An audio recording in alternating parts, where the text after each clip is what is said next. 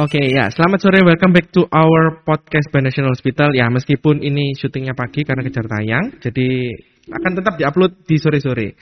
Nah, untuk uh, sebelum kita memulai uh, sesi hari ini, uh, jangan lupa juga bisa akses podcast episode kita pertama, yaitu tentang kejang pada anak di Spotify, Anchor, juga di YouTube kita. Nah, untuk hari ini, setelah kemarin kita uh, ngobrol-ngobrol uh, dengan Dokter Heri dan Dokter Benny mengenai kejam pada anak, hari ini uh, sesi episode uh, edisi ngopi sore bareng dokter kedatangan tamu yang berbeda, yaitu dari uh, kalau bisa dibilang spesialisasinya adalah gizi, jadi yang berhubungan dengan makanan dan lain-lain. Jadi mungkin untuk yang di luar sana yang mau Eh, tanya-tanya uh, diet bisa ditahan dulu karena bukan topiknya hari ini. Jadi nanti untuk hari ini kita topiknya adalah seputar uh, mendekati bulan puasa. Juga hmm. mungkin bisa dilihat di depan kita cangkirnya hilang setelah kemarin uh, nama sesinya ini kan ngopi tuh. Yes. Tapi kemarin itu yang tersuguhkan teh. Nah, kalau hari ini kita kehilangan cangkir-cangkirnya kita karena episode ini bakal diupload ketika sudah masuk ke bulan puasa. Jadi, nah yang di sebelah saya ini adalah Dr. Christina Rusli SPGK atau spesialis gizi klinis. Nah, ya.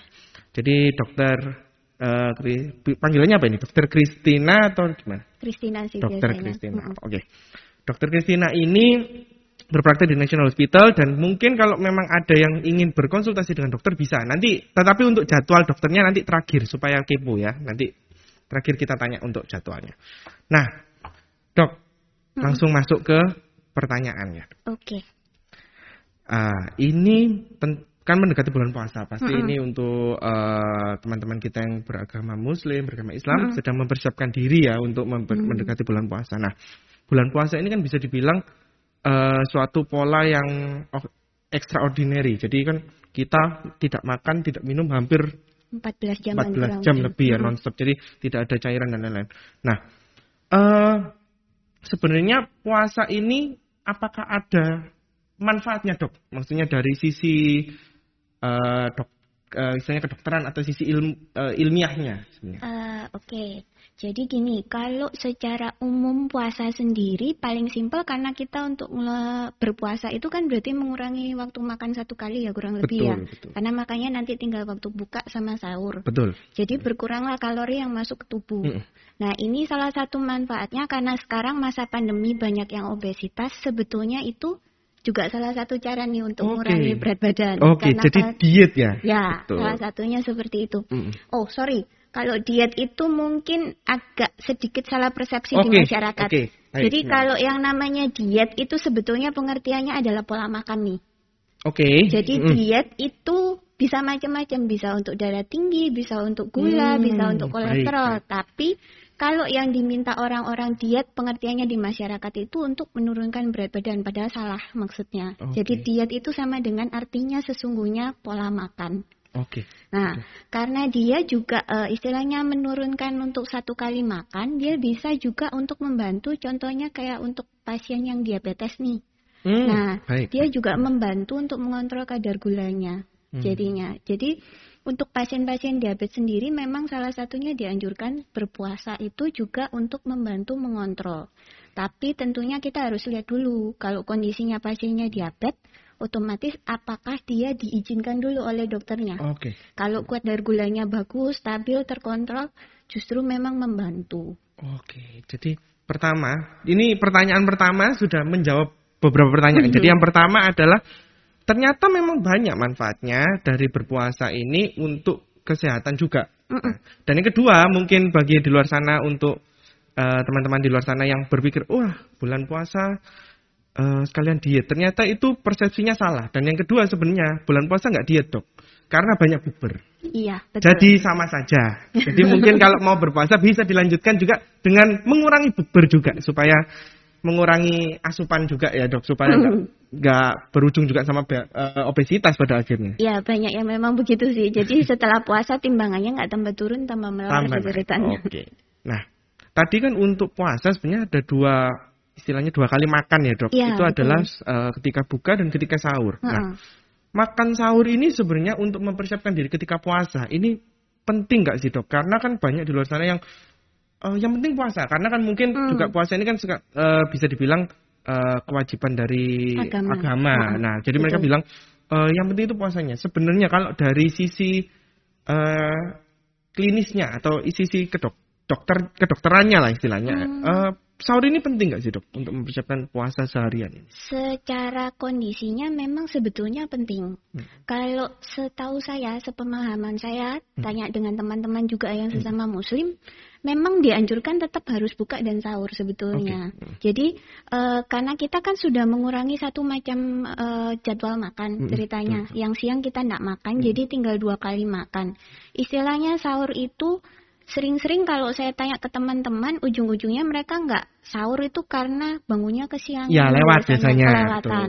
Nah, itu kan tergantung dari kondisi orang ya. Otomatis hmm. kalau kita berpulang lagi satu kali makan, berarti satu hari hanya satu kali makan kita mesti lihat dulu nih, kalau yang dimakan di pertama waktu buka puasa itu uh, bagus gizinya sih, it's okay. Tapi hmm. dengan berkurangnya jumlah, otomatis untuk makronutriennya jadi kayak protein, karbohidrat dan lemaknya, okay. terus vitaminnya itu dan mineralnya yang kita dapatkan juga otomatis pasti akan berkurang. Okay, okay. Hmm. Nah kalau dilakukan terus menerus, otomatis uh, kalau sekarang hubungannya dengan masa pandemi, sistem imun kita juga pasti akan terdampak nih hmm, ceritanya. Hmm, baik, Jadi baik. kalau disarankan memang tetap harus dijalankan tetap kedua-duanya. Dijalan keduanya. Ya. Jadi ini terlepas dari uh, untuk berhubungan juga dengan uh, kepercayaan masing-masing ya. Cuma hmm. secara klinis atau secara uh, ilmiahnya memang sahur ini manfaatnya cukup besar karena dia adalah salah satu dari istilahnya kalau bilang sesi makannya ya, secara betul. alami itu ya. adalah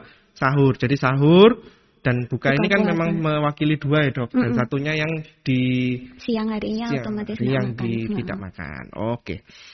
Uh, sebenarnya ketika uh, ibadah puasa ini kan mungkin juga uh, beraktivitas ini nggak terlalu nyaman ya dok karena mm -mm. kan uh, pasti ada terasa haus dan lapar kan. Nah, biasanya. nah, apakah ada tips dok uh, terutama mungkin tadi berbuka itu juga cukup penting mm -hmm. adalah uh, mengatur menu yang bernutrisi dok. Mm. Nah karena kan mungkin kalau kalau uh, bukan masa puasa masak itu menyenangkan ya nah. Mm -mm. Tetapi kan kalau uh, bulan puasa kan lain mengicipi ngicip ngicipi nah, aja kan nggak boleh. Lebih banyak nah, beli sih biasanya. Betul. Nah sebenarnya kalau memang ingin men menyiapkan dok menyiapkan menu mm. secara pribadi di rumah, apakah ada tips-tips menu yang bernutrisi atau makanan yang mungkin mudah dimasak, tidak perlu sulit tetapi tetap memenuhi nutrisi harian. Oke, okay. biasanya sih kalau menu-menunya di buka puasa itu sering-sering kalau bulan puasa itu kayaknya makanannya lebih cenderung yang digoreng terus kayak yang santan-santan oh, ya. Betul. Biasanya kan jadi penyiapannya memang agak lebih repot otomatis betul, kan betul. karena itu pola masaknya juga mungkin jauh lebih lama dan lain sebagainya. Mm -hmm. Sebetulnya prinsipnya pada saat makan untuk bulan puasa sama makan harian kan sebetulnya tidak jauh berbeda nih. Okay. Jadi kalau secara alamiah kita mau supaya apa yang masuk setiap kali di badan kita pada saat pola makan itu adalah pola makan gizi yang seimbang. Jadi uh, tadi yang saya sebutkan harus ada makro dan mikronutriennya. Jadi ada protein, karbohidrat dan lemak, terus ada vitamin dan mineral yang didapat dari buah-buahan dan sayur-sayuran nih. Okay. Nah, kalau karbohidrat sumbernya gampang, kalau di kita biasanya sering nasi. Nasi, nah, betul. Nasi eh, yang paling gampang memang nasi putih. Tapi kalau misalkan kita mau supaya tadi bilang eh, menjalankan puasa dengan nyaman, mm. tenaganya enak, terus kita cari bahan makanan yang istilahnya bikin kita kenyangnya agak lama okay. nih. Nah, itu bisa ditanti dengan nasinya, misalkan contohnya nasi merah. Hmm. Nah, itu karena dia ada kandungan seratnya di dalam, jadi kenyangnya bertambah jauhnya. Jadi uh, istilahnya mengurangi rasa lapar. Kalau sudah lapar kan moodnya jelek, terus lemes hmm, lama betul, betul. Nanti, aduh mau ngapain mager gitu. Gitu. Terus habis itu uh, itu sumber karbohidratnya. Terus untuk proteinnya sebetulnya simpel sih. Mau ikan, mau ayam, mau tahu, mau tempe, oke. Okay. Jadi tidak harus maksudnya harus dengan opor ayam kah atau apa yang santan-santan itu enggak hmm. sih. Jadi uh, tinggal masaknya kalau mau sehat nih enggak harus digoreng. Justru kalau digoreng yang deep fried malah kalorinya tambah-tambah. Jadi kita oh, pakai yang tumis-tumis aja simple misalkan ikan atau ayamnya hmm. ditumis gitu. Sama dengan sayur-sayuran boleh yang sekedar tumis aja yang ringan-ringan. Itu kan cepat penyajian ya, ceritanya. Hmm. Nah, yang membuat sehat tadi selain uh, proteinnya masuk, lemaknya tadi kan dari minyaknya saat tumis itu kan juga ada masuk okay, jadinya. Iya. Hmm. Terus untuk sayur dan buah-buahannya tinggal kita uh, kasih warna-warni nih tiap hari. Jadi usahakan hmm. uh, sayurnya itu macam-macam warnanya. Ada warna hijau, kemudian ada warna kuning atau orange, ada warna merah, terus ada warna putih sama ungu. Hmm. Jadi dalam menunya itu sehari-hari sudah tercantum lima macam sayur dan buah-buahan sehingga semua vitamin dan mineral yang dibutuhkan oleh tubuh itu terpenuhi. Nggak usah bingung sama minum suplemen lagi jadinya. Oke, jadi uh, sudah terpenuhi dari makanan sehari-hari itu aja. Jadi istilahnya kalau ini empat sehatnya lah dok ya. Ya, ya betul. Di luar lima sempurnanya kan susu gitu. Ya itu kalau yang dulu. Kalau, kalau sekarang dulu. kita okay. sudah tidak pakai empat sehat lima sempurna. Nah ini dia. Kalau sekarang apa sih dok? Ini uh, patokannya kan kalau dulu kita kan seringnya kalau sekolah itu empat sehat lima sempurna. Uh, uh. Jadi kalau dulu kan kita selalu ditambahkan susu. Susu ya. betul. Nah, masalahnya kan tidak semua orang bisa minum susu ternyata. Betul ada yang alergi atau hmm. yang kita sebut sih biasanya intoleransi laktos nih. Jadi ternyata sumber proteinnya itu tidak hanya dengan susu, jadi kita bisa ganti macam-macam. Hmm. Jadi kalau yang sekarang itu kita bisa lihat di internet nih piramida gizi seimbang. Hmm. Jadi nanti ada uh, apa namanya? bentuknya di dasar itu kita harus makan sumber karbohidratnya itu apa, kemudian lauknya, protein dan hewaninya seperti apa, buah dan sayur-sayurannya bagaimana, kemudian yang paling atas itu jumlah untuk gula, garam dan e, minyak. Oke, terutama. jadi sekarang sudah mulai diperhatikan ini lebih detail mungkin ya yes. dok karena ada uh, gula, garam dan minyak mungkin mm -hmm. yang intiknya juga sudah mulai diperhatikan. Nah, oke oke. Jadi uh, mungkin uh, ini juga bergeser ya dok mm -hmm. uh, pengajarannya karena memang ada perubahan di uh, bagaimana kita memandang sebuah makanan ini dianggap sudah lengkap istilahnya. Mm. Gitu. Oke. Okay. Nah, ini juga mungkin banyak sekali beredar di masyarakat bahwa uh, kalau makan manis, dok. Mm -hmm. Jadi ketika puasa makan manis. Nah, tapi kan makan manis ini kan kurang afdol, dok. Kalau nggak da dalam kondisi dingin, es sirup, es teh. Nah, Aha. itu sebenarnya boleh nggak sih, dok? Kan mungkin juga kita sudah perut kita dalam kondisi kosong, sudah tidak ada asupan apa pun mm -hmm. selama waktu yang cukup lama. Nah, boleh nggak sih, dok? Ketika nanti buka puasa, uh, langsung minum air dingin atau makan dan minuman yang manis. Hmm, Oke, okay. jadi pada saat buka puasa sendiri memang pada dasarnya kita disarankan uh, untuk konsumsi memang uh, karbohidrat yang simpel. Hmm. Jadi sebetulnya kayak teh manis masih oke. Okay. Cuma yang jadi problem adalah gulanya berapa banyak jadinya. uh, kalau misalkan tidak mau uh, membuat gula darahnya cepat naik seperti itu, biasanya kita bisa siasati. Contohnya nih bikin kayak uh, buah-buahan, irisan buah-buahan okay. begitu. Kalaupun mau es buah, uh, yang penting perhatikan gula yang ter terkandung di dalamnya istilahnya. Jadi uh, kalau mau sirup ya sirupnya jangan banyak-banyak. Manisnya dari buah kan kita tetap dapat nih. Mm -hmm. Jadi untuk airnya ndak usah yang terlalu manis. Bisa diganti kayak air kelapa atau yang, yang kita, alami uh, yang punya alami, rasa manis itu, alami itu. Istilahnya kan untuk mencukupi uh, kebutuhan cairannya yang habis puasa 14 jam hmm. ini, jadi sekalian kita ambil manfaatnya dari sana. Oke. Okay.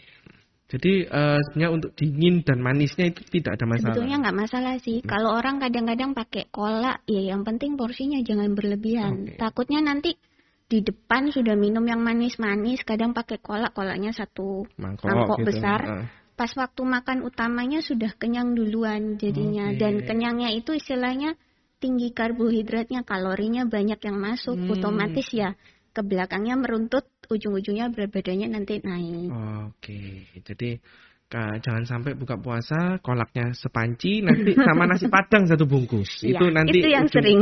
itu yang sering nanti ujung-ujungnya uh, malah nggak uh, tidak terkontrol berat badannya mm -hmm. malah. Oke. Okay. Nah, Uh, apakah ada dok di ketika buka puasa ini istilahnya pantangan atau kalau bisa dihindari makanan-makanan yang bisa dihindari supaya mungkin juga secara kesehatan lebih baik atau juga hmm. mungkin bisa mengganggu misalnya oh jadi cepat istilahnya kan ada yang ngomong wah kalau makan ini nanti cepat haus kalau makan kayak gini cepat lapar kayak gitu. Hmm, kalau secara simpel sih yang dihindarin kalau kita mau uh, kesehatan secara menyeluruh ya itu tadi sih kayak yang gulanya terlalu banyak. Kalau sekarang kan apalagi banyak ya bukannya tidak boleh konsumsi yang bagaimana ya, tapi kita harus ingat kondisi badan kita masing-masing. Hmm, kayak minuman kan sekarang banyak banget tuh yang ya, dijual yang, yang kekinian. Nah, gulanya kan memang tinggi. Sekali kita minum gulanya cepat naik, otomatis juga pasti tidak bagus untuk badan kita. Okay. Jadi kadar gula yang tinggi itu ternyata akan meningkatkan peradangan di dalam tubuh yang berujung hmm. untuk berbagai macam penyakit. Salah satunya paling gampang kita kenal di masyarakat diabetes pastinya. Okay. Itu satu. Kemudian kedua, kayaknya kalau takjil lebih banyak orang sering uh, konsumsi gorengan kan ceritanya. Ya, gorengan nah, sama sirup biasanya. Nah, nah gorengan itu sebetulnya gini. Uh, kalau kita tahu sendiri, lemak itu kalau secara perhitungan dibandingkan dengan sumber makanan yang lain, protein dan karbohidrat itu dia penghasil kalorinya paling besar nih. Okay. Hmm. Satu sendok lemak itu kira-kira sekitar 90 kalori. Nah, pertanyaannya kalau kita goreng makanan gorengan, pisang goreng kah atau tahu goreng atau apa tahu isi, nggak mungkin minyaknya cuma satu sendok kan. Betul. Nah, jadi sekali kita makan itu sudah kalorinya banyak sekali ceritanya. Hmm. Terus ditambah lagi uh, makanya kadang nggak cukup cuma satu kan, oh, iya, bisa dok. dua, bisa tiga nggak sekali terbatas makan. dok kalau gorengan itu dok. Dan kan Asal cemil comot, aja. Comot, gitu. uh, terus habis itu pertanyaan selanjutnya minyaknya ini kapan digantinya nih ceritanya. Okay. Jadi kalau minyak dipakai terus-menerus, ujung-ujungnya itu minyaknya sudah ikatannya kan berganti. Mm -mm. Efeknya di badan kita malah nggak bagus lagi. Okay. Yang disarankan sebetulnya kalau kita mau menggoreng seperti itu adalah minyaknya satu kali pakai ganti. Tapi nggak mungkin kan penjual yang di jalan dia nah, pakai Semoga begitu. ini abang-abang goreng itu tidak menonton podcast ini. Ya. Jadi kalau mau sih boleh siapkan sendiri, tapi dengan istilahnya minyaknya satu kali pakai hmm. dan usahakan tidak terlalu sering karena itu tadi kalorinya langsung naik okay, ke Sangat tinggi kalorinya. Mm -hmm. Nah juga mungkin ini peringatan juga terkait gula untuk tidak berbuka puasa terlalu sering dengan boba. Jadi mungkin untuk yang di luar sana sudah berencana memborong boba ketika bulan puasa mungkin bisa diurungkan atau diatur dulu. Mm -mm, betul. Gitu. Oke. Nah Terus ini lagi dok, uh, terkait dengan kehamilan, mungkin juga ibu-ibu hamil kan ibu-ibu hamil ini otomatis pasti berbeda ya dok kebutuhan nutrisinya, yeah. terus uh, istilahnya mereka harus punya asupan nutrisi yang lebih banyak istilahnya, mm -hmm. karena dia kalau orang bilang kan menanggung dua orang yeah. dirinya sendiri mm -hmm. dan uh, si jabang bayi. Mm -hmm. Nah, uh, apakah ada tipsnya dok memenuhi nutrisi yang cukup mm -hmm. ketika puasa bagi ibu hamil? Jadi uh, prinsip untuk ibu hamil dan ibu menyusui sih. Kalau secara agamanya memang kan mereka sebetulnya diperbolehkan untuk tidak berpuasa, tidak berpuasa nih. Iya. Jadi kalau mau berpuasa diperhatikan dulu untung ruginya. Satu yang jelas harus konsultasi dulu sama dokternya. Hmm. Kalau ibu hamil biasanya nih kalau untuk trimester pertama jadi bulan 1 sampai 3 kemudian trimester ketiga yang sudah mau mendekatkan melahirkan itu memang tidak terlalu disarankan untuk berpuasa okay. sebetulnya. Karena istilahnya tubuhnya memang harus diadaptasi pada saat hmm. itu. Yang awal kalau trimester pertama itu kan mual muntah juga. Mm -mm, Kalau ditambah dengan puasa ya takutnya resikonya dehidrasi. Dehidrasi. Nah, Terus kalau yang bulan terakhir sudah mau persiapan. Jadi yang biasanya diperbolehkan itu rentangnya masih antara yang kurang lebih trimester kedua. Nah, tapi trimester kedua ini juga tergantung nih si ibu sehat atau enggak. Hmm. Nah, kalau dia memang sudah punya penyakit atau yang lain-lain tidak boleh puasa ya sebaiknya tidak usah dipaksakan. Hmm. Nah, kemudian untuk si kecilnya sendiri, kalau misalkan si kecilnya ini ternyata bermasalah, misalkan cairan ketubannya ada masalah atau hmm. apa juga tidak terlalu disarankan. Oke, gitu. jadi istilahnya uh, ini juga perlu konsultasi hmm. juga dengan ya. dokter-dokter ya. terkait sebelum melakukan puasa, terutama hmm. di masa kehamilan. Betul. Jadi uh, memang untuk berpuasa ini adalah sesuatu yang sangat baik sebenarnya, hmm. seperti yang sudah dimention di awal. Cuma uh, kita tetap perlu memperhatikan kondisi kita terutama juga untuk ibu hamil juga memperhatikan kondisi si kecil juga karena hmm. uh, ini berhubungan dengan nutrisi yes. juga berhubungan dengan kesehatan Betul. ibu dan anaknya jadi mungkin kami uh, kita juga menyarankan dari sisi medisnya adalah Konsultasi. berkonsultasi dulu yeah. sebelum berpuasa uh, juga karena masih ada waktu ini bisa langsung ke dokter kandungan atau hmm berkonsultasi dengan dokter terkait terkait uh, bulan puasa ini dan nutrisinya. Oke. Okay. Itu ditambah lagi kan kalau ibu hamil nanti kebutuhannya juga uh, secara angka kecukupan gizinya memang dia meningkatkan ceritanya. Iya, betul.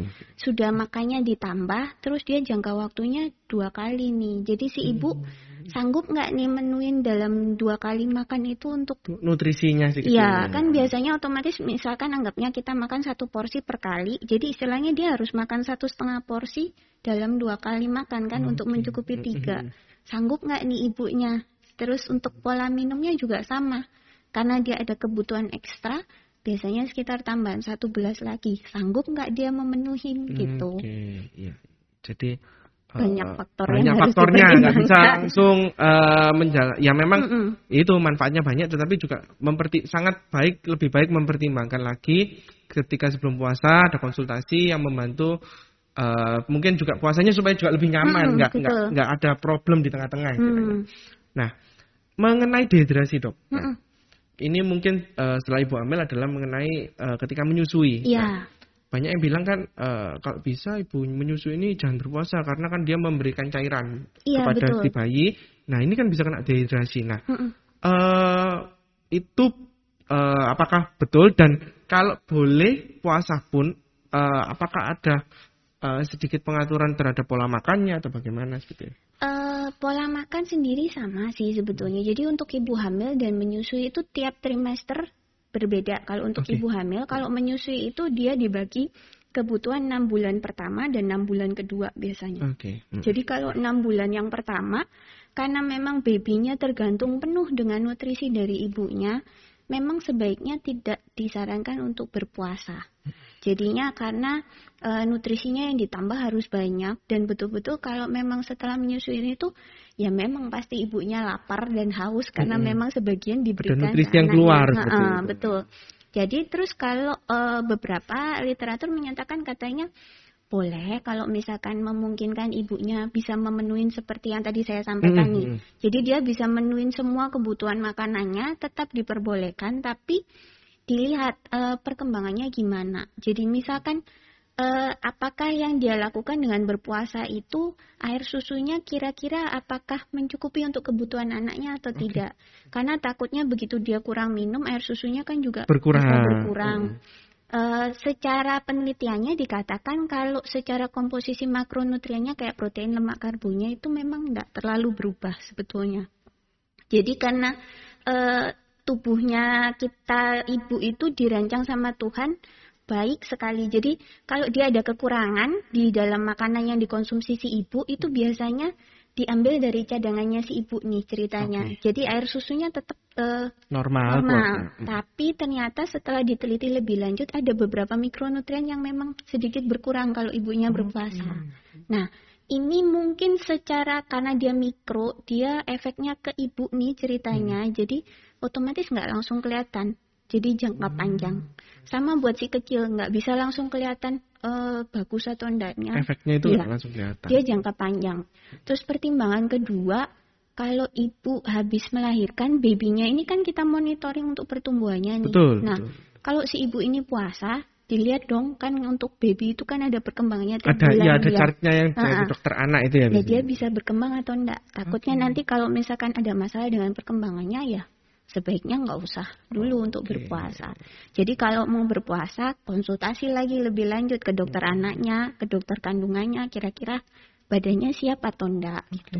Okay. Jadi sekali lagi penting untuk tidak lupa berkonsultasi Konsultasi. secara rutin, terutama juga untuk ibu hamil dan ibu menyusui. Kalau ibu hamil kan mungkin dengan dokter kandungan dan kalau ibu menyusui adalah dengan dokter anak untuk memonitor juga perkembangan uh, ibu dan anaknya selama bulan puasa yeah. ini.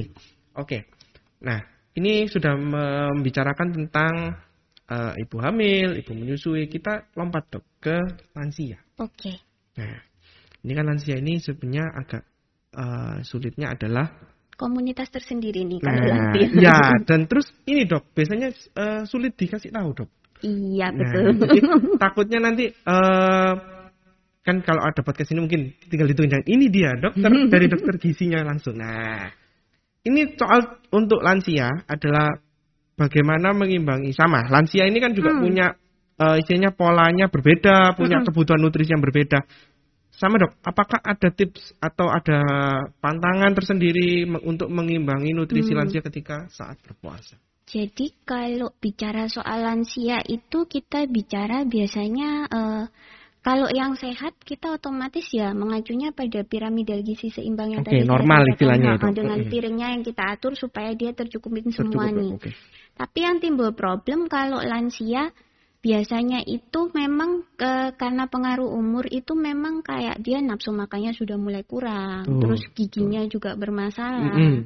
uh, kadang dilupakan nih sama orang-orang gigi lubang, iya sudah sudah tua nggak masalah oh, gitu kan. Okay. Padahal ya, sebetulnya itu gigi juga pengaruh loh. Ternyata dari hasilnya penelitian tuh gigi kalau dia hilang, ngunyahnya nggak betul, itu memang dia kayak mengganggu untuk uh, nafsu makan.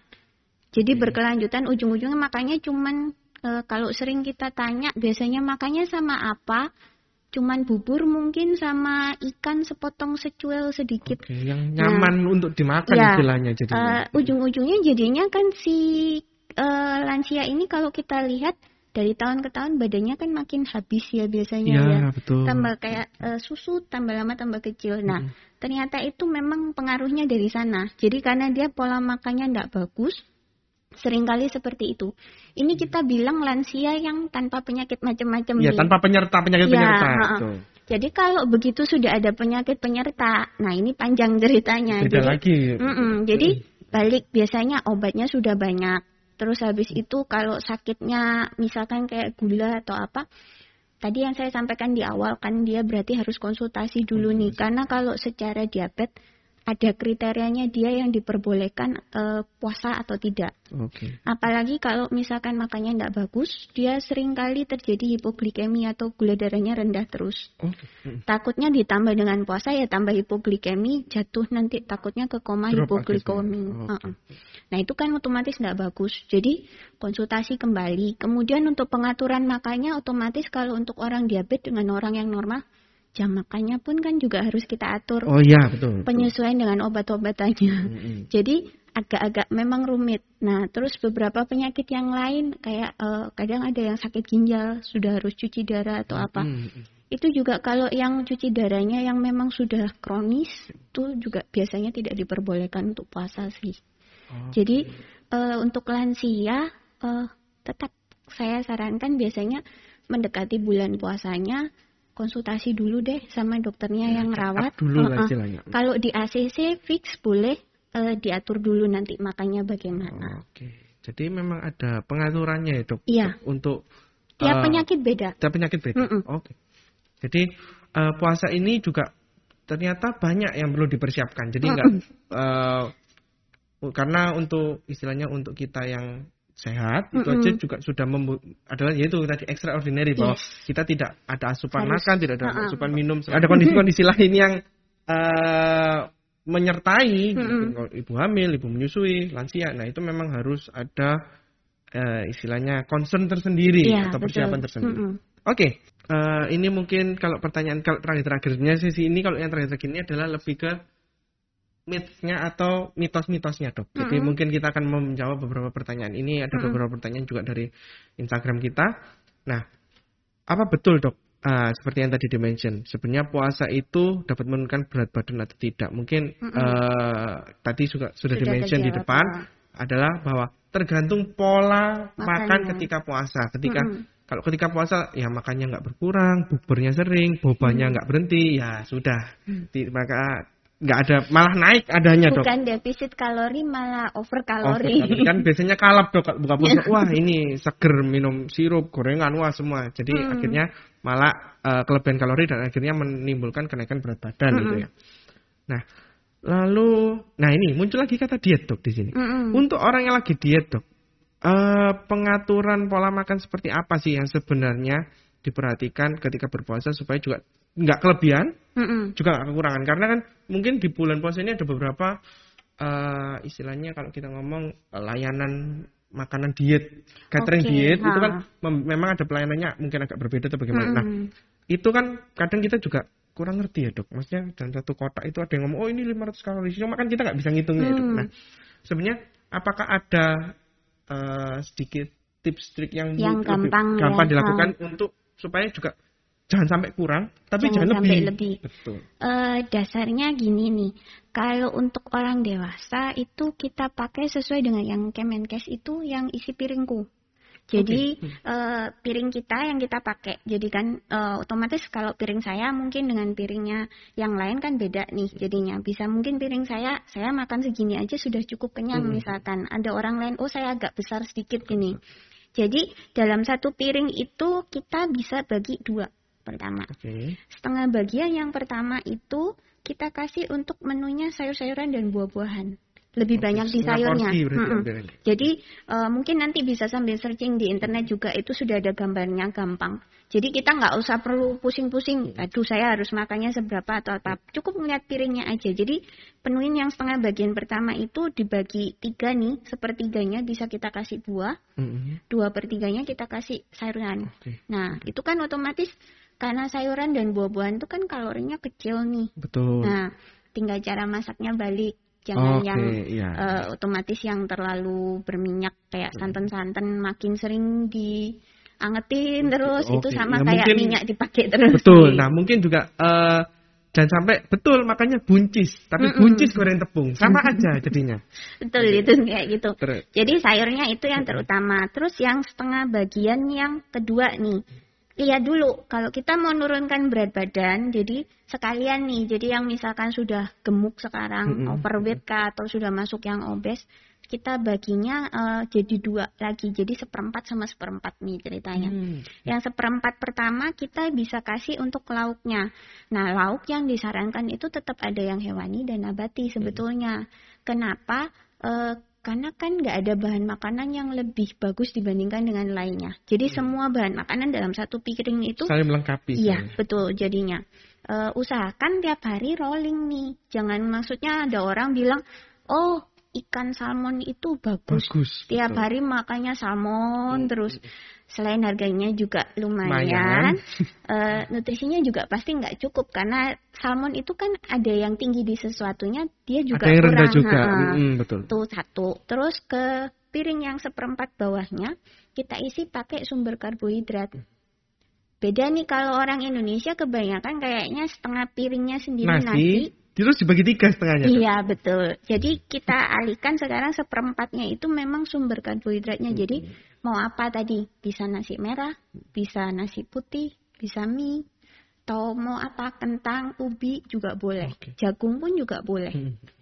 Nah, itu itu yang untuk orang diet nih. Tapi kalau misalkan untuk anak-anak yang lagi masa pertumbuhan atau mungkin yang orang dengan berat badannya normal untuk cukupi kebutuhan, kadang-kadang uh, nggak cukup nih tenaga saya kalau misalkan hanya makan seperempat Seperempat, betul. Boleh dinaikkan ke dua per tiga. Jadi lauknya yang sepertiga di atas. Oh, Oke, okay. ya. Nah, ini juga ini sebenarnya uh, agak keluar dok dari pertanyaan mm -hmm. ini. Cuma mau tanya, kan ada orang-orang di luar sana ah karbohidrat ini banyak menganggap karbohidrat ini sumber penyebab penyakit. kegemukan atau uh -huh. sumber penyakit lah istilahnya. Uh -huh. Nah, uh, terus mereka akhirnya ah, nggak usah makan karbohidrat deh, proteinnya uh dibanyakin, sayurnya dibanyakin. Jadi dalam satu piring itu hanya ada karbohidrat, mungkin uh, eh mohon maaf, ada uh, protein, lauk itu, terus ada sayur, ada buah. Uh Kan mereka kan wah ini karbohidrat tidak ada nih, uh makanya mungkin ayamnya dibanyakin kayak gitu. Uh Nah, itu sebenarnya uh, secara uh, klinis betul ataukah apakah nanti oh ya ini nggak benar nanti ada efeknya nanti ke depannya itu uh, itu yang kayak seperti itu ngarah ke yang diet ketogenik ya biasanya okay, yang ya, memang ya. karbohidratnya minimalis sekali hmm. tapi kalau yang ketogenik yang uh, betul sebetulnya itu termasuk buah-buahan dan sayur-sayuran itu juga minimalis sekali biasanya okay. karena kan di dalam buah dan sayur itu juga sebetulnya ada betul, karbohidratnya Nah, tapi uh, diet yang uh, macam-macam entah itu ketogenika atau mau yang uh, lain-lainnya, misalkan yang high protein yang seperti hmm. tadi disebutkan, itu memang uh, hubungannya sama sering kali kita dengar untuk penurunan berat badan kan. Nah, tapi secara genetik nih, jadi di dalam badannya kita itu ternyata memang tiap-tiap orang punya kecenderungan sendiri-sendiri. Okay. Jadi turunannya ada orang yang memang cocok dengan uh, tinggi protein. Ada orang yang cocok uh, dengan tipe diet yang mana, uh, misalkan dia lemaknya boleh agak tinggi tapi dia lemaknya dipilihkan yang mana nih. Okay. Ada yang karbohidratnya, oh karbohidratnya karena dia resikonya memang sudah secara genetik dia punya kecenderungan untuk diabetes, ya otomatis karbohidratnya tidak boleh terlalu banyak.